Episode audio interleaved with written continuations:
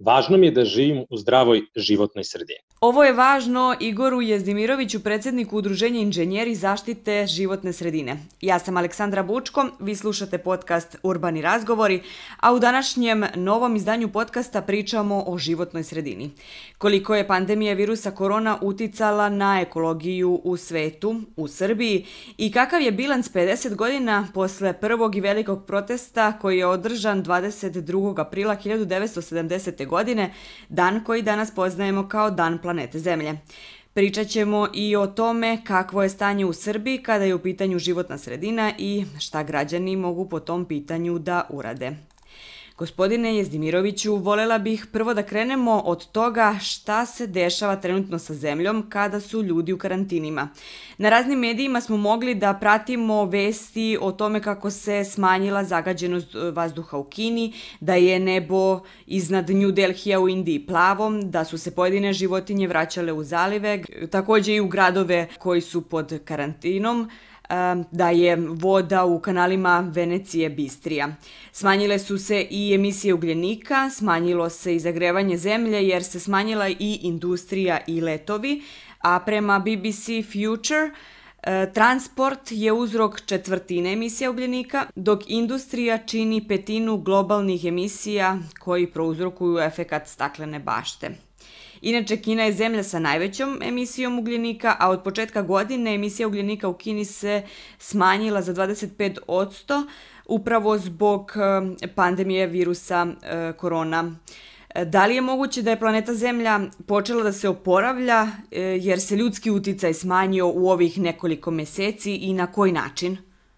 U sektoru zaštite životne sredine uvek imamo one skeptike koji govore da utica ljudskih aktivnosti nije značajan po životnu sredinu i po naravno i po zdravlje ljudi na istom način. Ovo je, ovo je bila prilika da se na globalnom nivou upravo dokaže suprotno i da to može kroz podatke da se pokaže. Znači, sta, smanjenje privredne i društvene aktivnosti ljudi tokom trajanja karantina iskustveno je bez bilo kakve sumnje pokazalo koliko je veliki uticaj čoveka na prirodu i na život na zemlji. Znači, upravo to što ste rekli, fotografije bistrih kanala, planinskih venaca, iznad gusto naseljenih gradova, satelitske analize, smanjenja zagađenja vazduha, samo su neke od udarnih vesti koje su obišle svet i pokazale da čovek može s jedne strane da preživi na planeti i živi ok u nekim restriktivnim merama, a s druge strane i da planeta može da liči na ono što mi više volimo, da imamo lep pogled, da imamo životinje koje su nas i na kraju krava jednu zdraviju životnu sredinu. Živi svet je postojao na planeti Zemlji mnogo pre pojave čoveka i postojeće mnogo posle čovekovog nestanka. Česta zamena teza koja se može čuti jeste da čovek štiti planetu usvajajući mere zaštite životne sredine. Istina je apsolutno drugačija. Mi, usvajajući mere zaštite životne sredine, štitimo sebe i svoj način života, upravo pokušavajući sebi da omogućimo opstanak.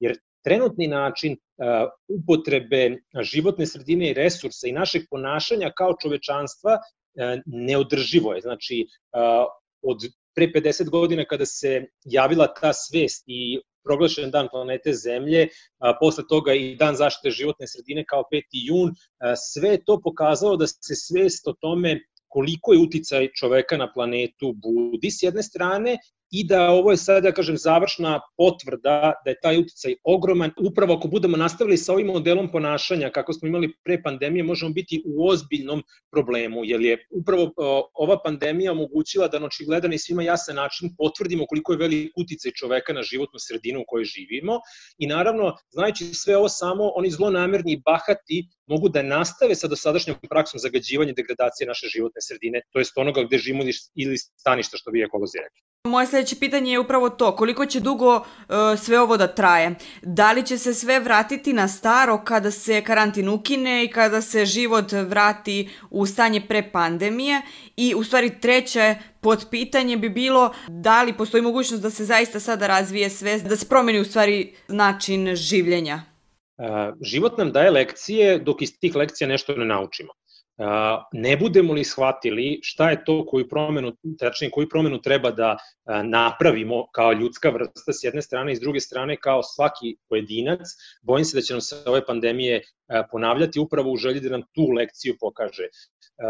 Tamo gde smo imali prilike da budemo u direktnom kontaktu sa prirodom, naš imunitet je bio jači. To je bilo jasni pokazatelj da je neophodno da vodimo računa o životnoj sredini i da je neophodno da taj povratak prirodi učinimo. Ako budemo nastavili sa načinom ophođenja prema resursima i prema životu kao što smo bili i što smo radili pre pandemije, upravo ne, ne shvatajući lekcije koje nas je ovo, ovaj, ovo stanje naučilo, bojim se da će nam se ono ponavljati. Meni je bilo lično izuzetno drago da sam video da mnoge sastanke mogu da završim u vidu jednog maila ili u vidu videokonferencija bez potrebnog jurenja levo ili desno u druge gradove ili druge države. S druge strane, vreme koje smo dobili da provodimo sa nama najdražima je bilo po meni nešto što je nesvakidašnje u onome ludilu koje, nam, koje nas je obuhvatilo i upravo mogućnost da zajedno sa njima boravimo u prirodi koja ima tu sreću da može da izađe u, u prirodu i u kuće a, sa dvorištima je ono što je a, pozitivna strana ove pandemije.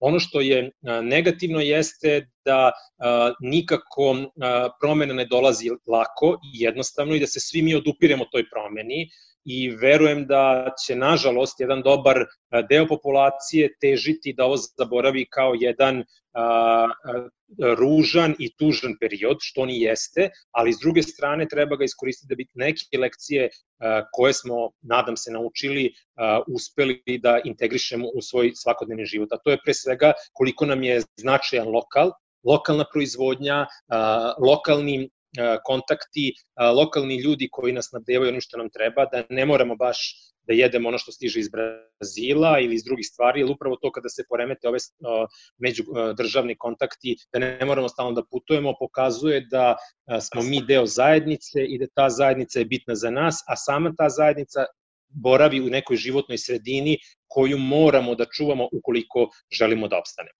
Koja poboljšanja biste, e, koja su se desila sada za vreme karantina, biste e, vi izdvojili kao možda najznačajnija ili kao najinteresantnija? Ova poboljšanja koja se desila prirodi, to je jedna stvar. Ono što mislim da, da su druge zemlje, nažalost, imale mnogo više prilika, jeste upravo taj boravak u prirodi, boravak u parkovima, a ovde se kod nas to demonstriralo na apsolutnom nerazumevanju e, značaja okruženja i boravka u prirodi na, na stanovništvo samim zatvaranjem parkova, a, samo što još nije došlo do zabrane da se bilo gde ovaj odlazi u prirodu.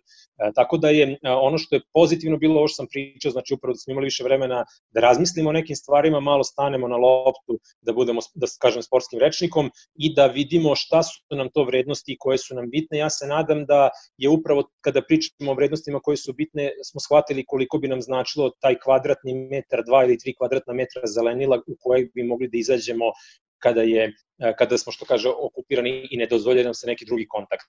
Kontakt sa prirodom je nemerljiv po pitanju zdravlja i naravno imuniteta i to nije nešto što samo tvrdimo mi koji dolazimo iz struke zaštite životne sredine, nego što je trude i lekari sami koji se bave imunitetom, tako da mislim da je to ono što kaže glavna lekcija koju smo mogli da naučimo, da nam je potrebno mnogo više zelenila, mnogo više prirode i to zdrave prirode, jer priroda u kojoj boravimo, a da bi imala pozitivan utjecaj mora biti e, čista, nezagađena i da naravno puštena na onaj svoj sistem da formira ekosistem kako njoj odgovara. Da li je rađeno neko istraživanje o revitalizaciji prirode u Srbiji sada za vreme pandemije virusa, odnosno karantina u kom se nalazimo? Još uvek je rano da se govori o naučnim istraživanjima sa dubokim analizama i kod nas i u svetu. Podaci koji smo upravo naveli, koji su svetski medije preneli, su odlična osnova da se nakon ovog perioda još agilnije krene upravno u zagovaranje smanjenja zagađenja i verujem da će stići veoma značajni rezultati kao što videli sada sa smanjenjem emisija ugljen dioksida samim time i blagodeti koje su se desile po umanjenje klimatskih promena, koje nažalost evo, kroz boravak u stručnim krugovima, boravak u aktivnostima kao, kao neko ko vodi udruženje, nismo uspeli tolike godine, jedna pandemija je uspela da smanji zagađenje do značajnih mera, što znači da ipak može da se uradi kada postoji želja. Što se tiče toga, znači još nemamo panična velika istraživanja, jer za to je potrebno vreme i sve na sve pandemija zadesila, ali verujem da će ona biti nešto što ćemo sa velikim iščekivanjem dočekati i onda moći da se pozivamo i da još agilnije zagovaramo kod donosioca odluka promene koje su neophodne po pitanju zaštite životne sredine. Prvi dan planete Zemlje održan je pre 50 godina, 22. aprila 1970. godine. 20 miliona ljudi tada je izašlo na ulice u Sjedinjenim američkim državama kako bi protestovali e, zbog uništavanja životne sredine. A kada je Srbija u pitanju, upravo na dan planete Zemlje, ministar Ministar zaštite životne sredine Goran Trivan e, rekao je tim povodom da je Srbija započela promene u životnoj sredini te da je odlučna da sistemskim i doslednim merama efikasno rešava ekološke probleme. Tada je spomenuo i investicioni plan Srbija 2025. E, i investicije u, oblast, u, oblasti otpadnih voda. A koje su zapravo najvažniji i najopasniji problemi u Srbiji kada je u pitanju zaštita životne sredine? Najveći problem zaštite životne sredine u Srbiji jeste apsolutno nerazumevanje i ignorisanje njenog značaja od strane donosioca odluka.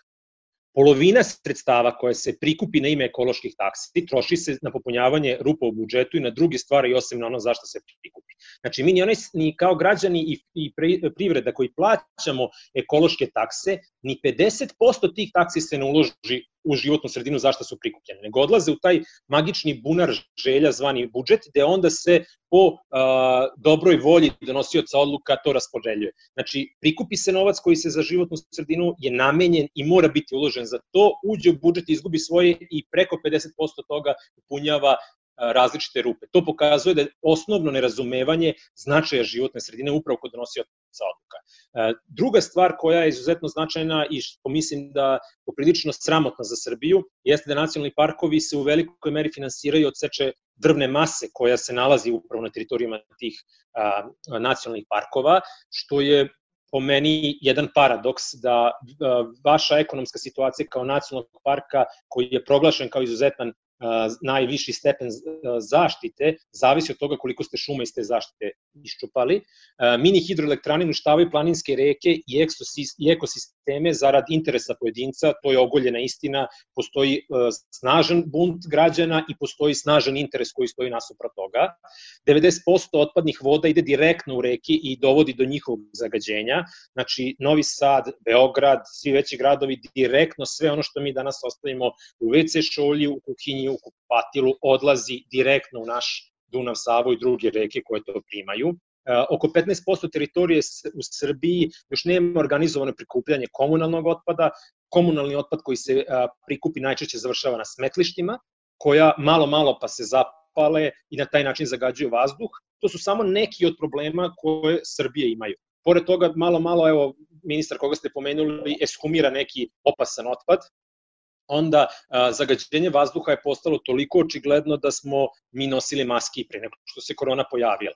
I to je sve nešto što pokazuje tu činjenicu da bez obzira na PR saopštenja i želju da se nešto, barem u medijima prikaže da se radi, postoji suštinsko nerazumevanje donosioca odluka o tome šta je životna sredina, koliki je njen značaj i uticaj na zdravlje građana. S druge strane, ministarstvo koje više nije ni tako mlado, ono je, ima već, što kaže, iza sebe i staža, je jednoj dobroj meri tretirano kao manje važno u odnosu na neka druga pitanja. I onda se vraćamo do jednog održivog razvoja i ciljeva održivog razvoja koji dolaze na globalnom nivou i koji traže da bi čovek i, čo, i da kažemo naš način života opstao upravo taj balans između ekonomskih interesa, interesa zaštite životne sredine i socijalnih pitanja. Mi to, nažalost, ovde u Srbiji nismo uspeli da postignemo, nadam se da ćemo uspeti u nekom periodu, za to će nam trebati značajno promena shvatanja kod strane građana da će im neko nešto dati, ne, oni moraju da se izbore za svoje pravo za zdravu životnu sredinu,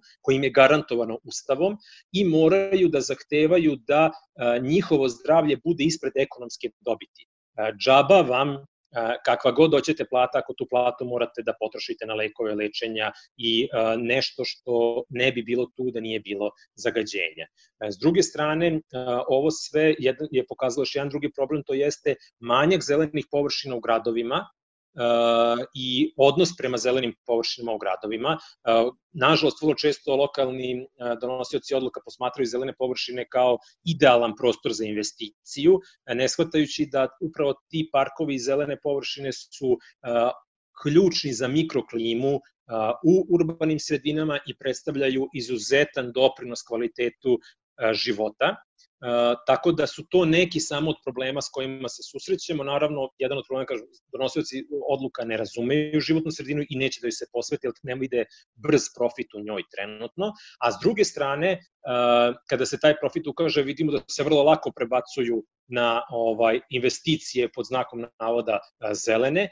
To je primjer, odličan primjer su mini hidroelektrane koje su zbog feed-in tarifa postale hit kod investitora i pritom uništavaju životnu sredinu, a pokazuju se kao zelene investicije. Kada pogledamo dublje ovu sumornu sliku sad ovako izlistanih problema, osnovni prosle, osnovna posledica takvog odnosa donosioca odluka ka životnoj sredini jeste i nedostatak svesti kod građana da moraju da traže od onih koje su izabrali da vode računa o njihovoj životnoj sredini. Jer vodeći računa o, svoj, o, o njihovoj životnoj sredini i svojoj životnoj sredini, oni vode računa o našem zdravlju. I upravo je to ono što, što je osnovni, da kažem, problem. Životna sredina, zaštita životne sredine nije trošak. To je ulaganje u zdravlje i blagostanje građana. Spomenuli ste dosta ključnih problema, između ostalog i e, reke, odnosno mini hidroelektrane. One trenutno u medijima, u velikim nacionalnim, nisu toliko zastupljene. Imamo perioda kada su pre, jako zastupljene, kada pričamo o tom, imamo perioda kada to malo, kako da kažem, utihne. Da li to znači da se i stanje, e, kada su u pitanju mini hidroelektrane, smirilo? Pa kao društveni aktivista i neko ko aktivno prati medije, mm, u današnjoj Srbiji bojim se da mediji i prisutnost neke teme u medijima nije dobra referenca o tome koliko se stanje popravlja ili pogoršava. Stanje sa mini hidrocentralama dolazi u medije onda kada se direktno dešavaju neki ekscesi i tradicionalni mediji gube tu bitku upravo zbog nekih stvari ili, ili nestizanja ili neželje da neke stvari prenesu. Društvene mreže su ono što je preuzelo primat kod toga kako se ljudi koji se aktivno bave nečim informišu, direktan kontakt sa ljudima koji su na branicima tih reka i bojim se da to pitanje je daleko od završenog, pogotovo što su mnogo obećanja da će to pitanje da se reši ostala bez još uvek konkretnih i jasnih i, da kažem, striktnih zakonskih rešenja da se tako nešto, degradacija malih vodotokova zaustavi.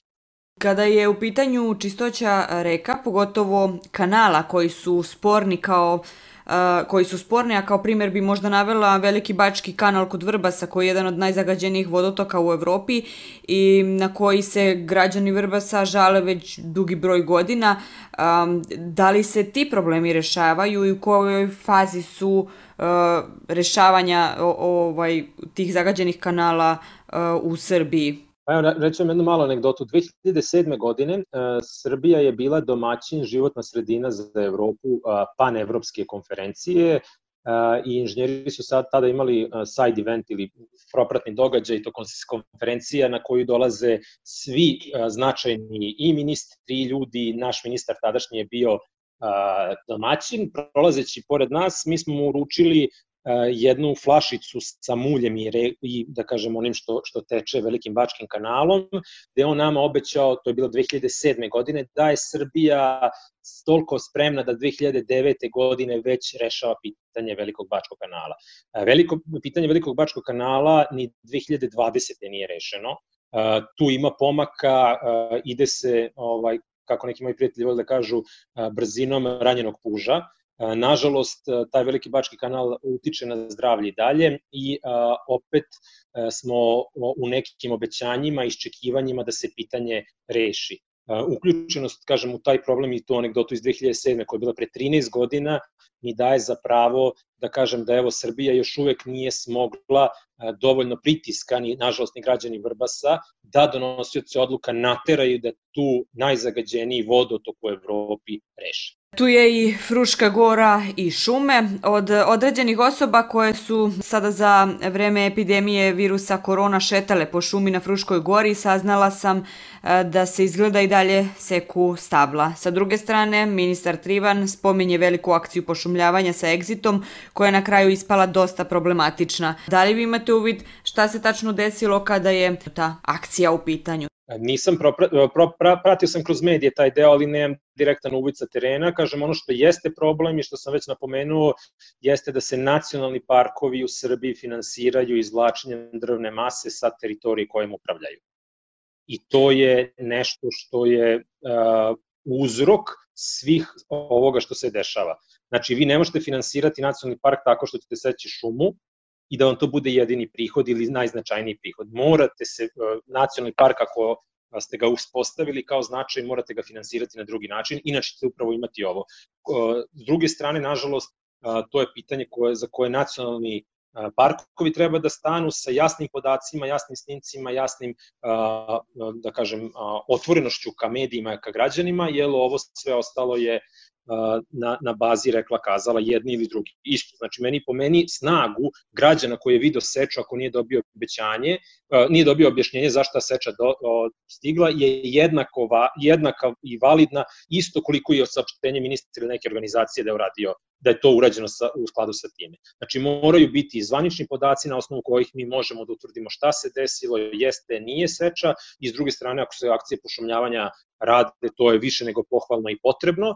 One moraju opet biti rađene pod nadzorom struke, sa jasnim zapisnicima, da ljudi iz struke šumari stavljaju zapisnike i prave upravo evidenciju koje vrste su pošumljene, na koji način, na kojim teritorijima, da li su to autoktone vrste, da li odgovaraju tome i tome. Znači, pošumljavanje kao pošumljavanje je značajna stvar, ali mora biti organizovano sistematsko i u skladu sa pravilima struke. Onda moramo da postavimo pitanje i da li javno preduzeće Nacionalni park Fruška Gora adekvatno upravlja parkom. To je pitanje za njih i to je kada izađu sa podacima na našoj javnosti da iskritikuje i prati njihov rad. Jer njima jeste povereno upravljanje nacionalnim parkom, a na javnosti jeste da stvori pritisak ako smatra da nešto nije urađeno kako treba i tu bi trebao da postoji dijalog. Nažalost, u životnoj sredini, a i bojim se i drugim segmentima društva, dijalog u Srbiji je poprilično sveden e, na krute tabore, da li si za ili protiv, umesto da shvatimo da je to zajedničko dobro o kojem moramo svi zajedno da brinemo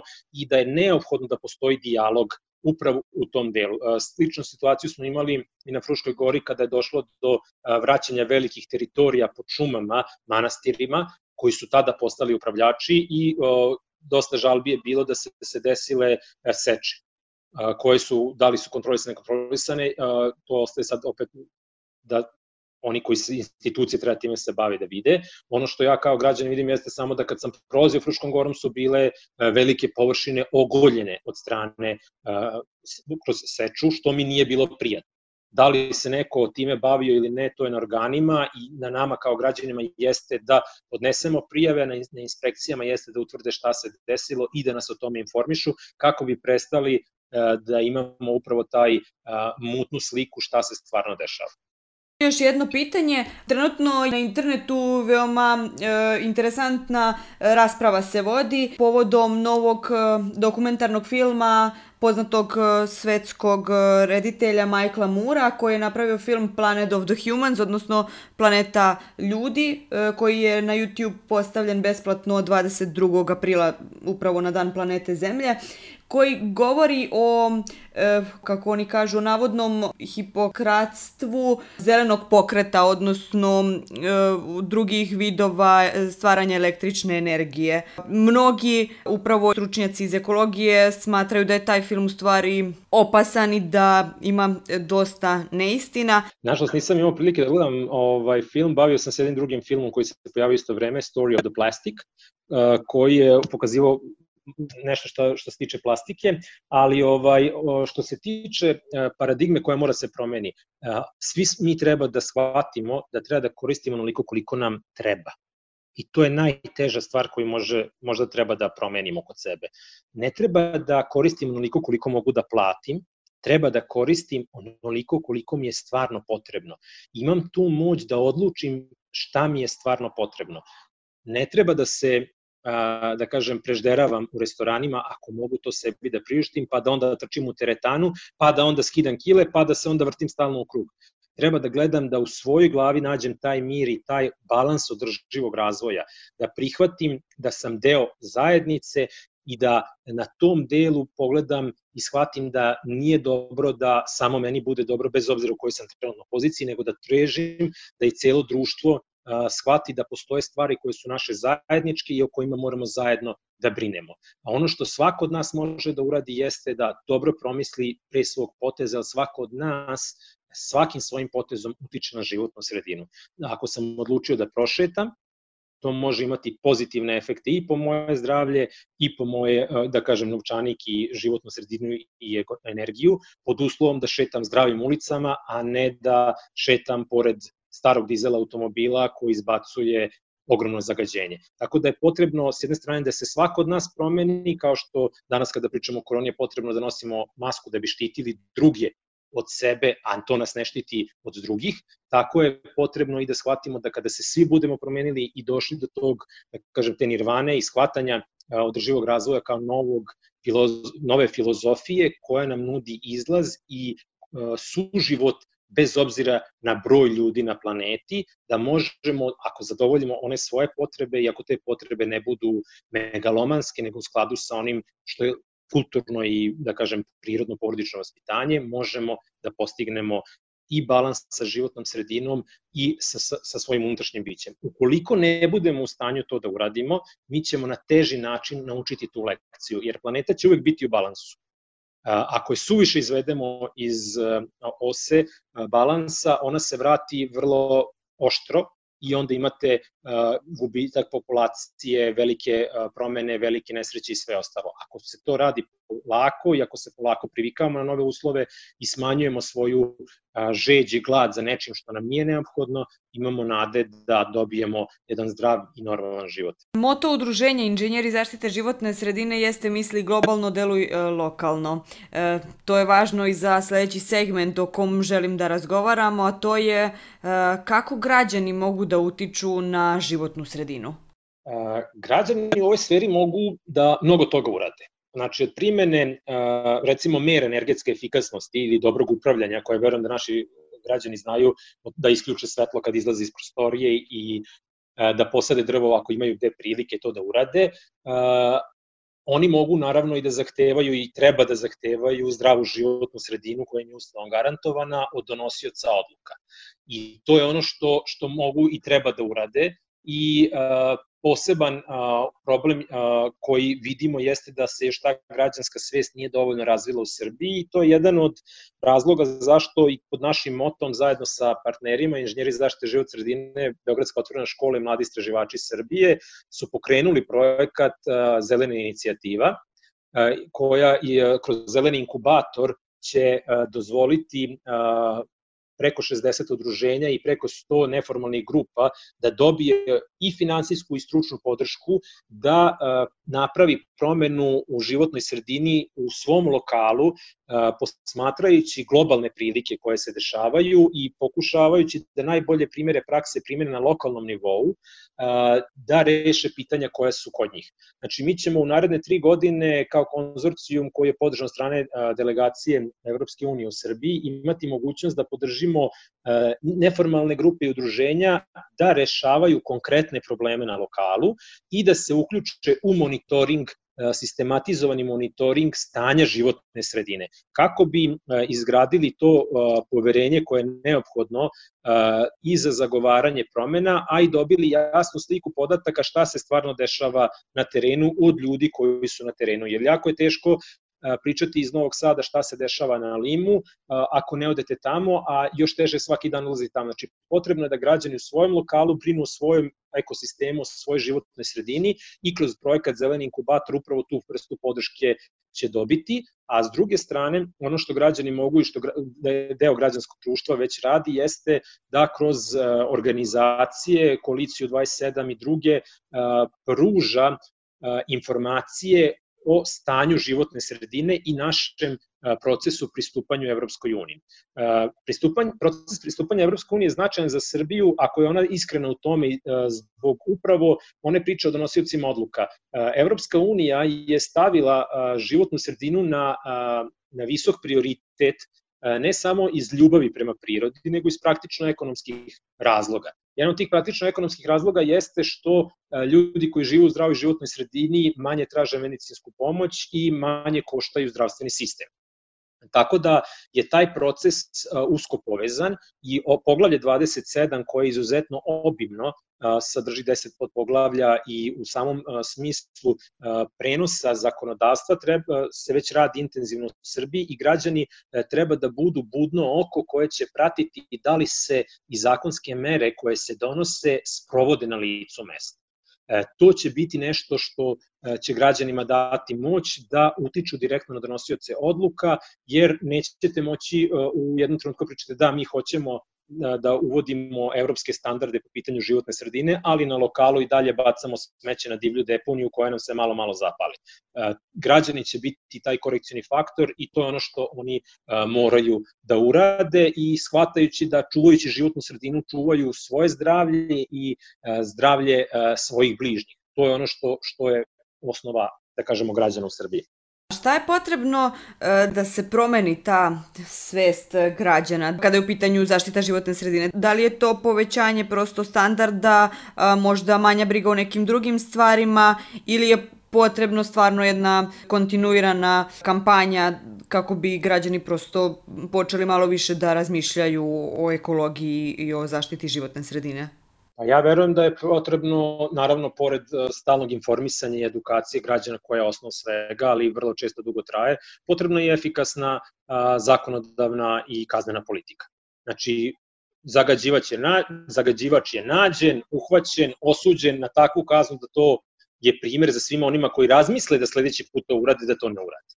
Znači, vrlo jednostavno s te strane. Znači, imamo s jedne strane potrebu da stalno informišemo i ponavljamo da je zdrava životna sredina u direktnoj korelaciji sa našim zdravljem i našim blagostanjem i s druge strane da one koji ne žele to da shvate i ugrožavaju moju zdravu životnu sredinu, budu kažnjeni i naterani pravnom državom da to nadoknade i plate. To su dve stvari koje su neophodne da se dese, znači da s jedne strane efikasan sudski sistem sa efikasnim inspekcijama i bez povlašćenih položaja, znači ko je zagadio, zagađivač mora da plati, i s druge strane nas koji smo spremni kao građani da branimo to naše pravo i naše zdravlje kroz zdravu životnu sredinu. S druge strane, ono što kažem i zašto smo i krenuli u ovaj trogodišnji projekat sa, tražeći od Evropske komisije podršku je upravo to da na lokalu neformalnim grupama, znači bilo koja osoba koja je nezadovoljna, ima neki problem u životnoj sredini, može da nađe uporište u ovom programu i traži i finansijsku podršku i stručnu podršku da reši taj problem koji postoji, a s druge strane i da udruženja kojih ima dovoljno da se bave životnom sredinom mogu da nađu uporište da se organizovano bave sa povezivanjem sa građanima i zajedničkim delovanjem da se problemi koji su nagomilani u životnoj sredini, a izlazito sam ih jednim delom, prevaziću. Hvala vam. Hvala i vama najlepše. Nadam se da sam bio interesantan i vama i vašim slušalcima. Mislim da su ovo bile jako važne teme o kojima smo pričali, a da smo se samo površinski svega dotakli. Bili su ovo novi urbani razgovori sa Igorom Jezdimirovićem, predsednikom Udruženja Inženjeri zaštite životne sredine. Ja sam Aleksandra Bučko, a vi ste slušali podcast Urbani razgovori koji je dostupan u sklopu medijskih sadržaja Fabrike kreativnosti na Mixcloudu, Anhoru, Spotify, Google podcastima i na drugim platformama za podcaste, kao i na YouTube-u. Slušajte i dalje o važnim temama 1 na 1 svake poslednje srede u mesecu.